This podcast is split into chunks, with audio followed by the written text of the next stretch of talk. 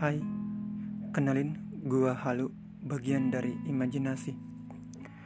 Di podcast ini, seperti namanya, cerita cinta anak lelaki.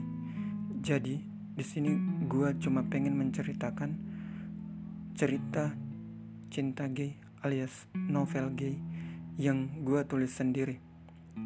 Jadi, untuk teman-teman yang menyukai novel semacam ini boleh di follow atau di share thank you thank you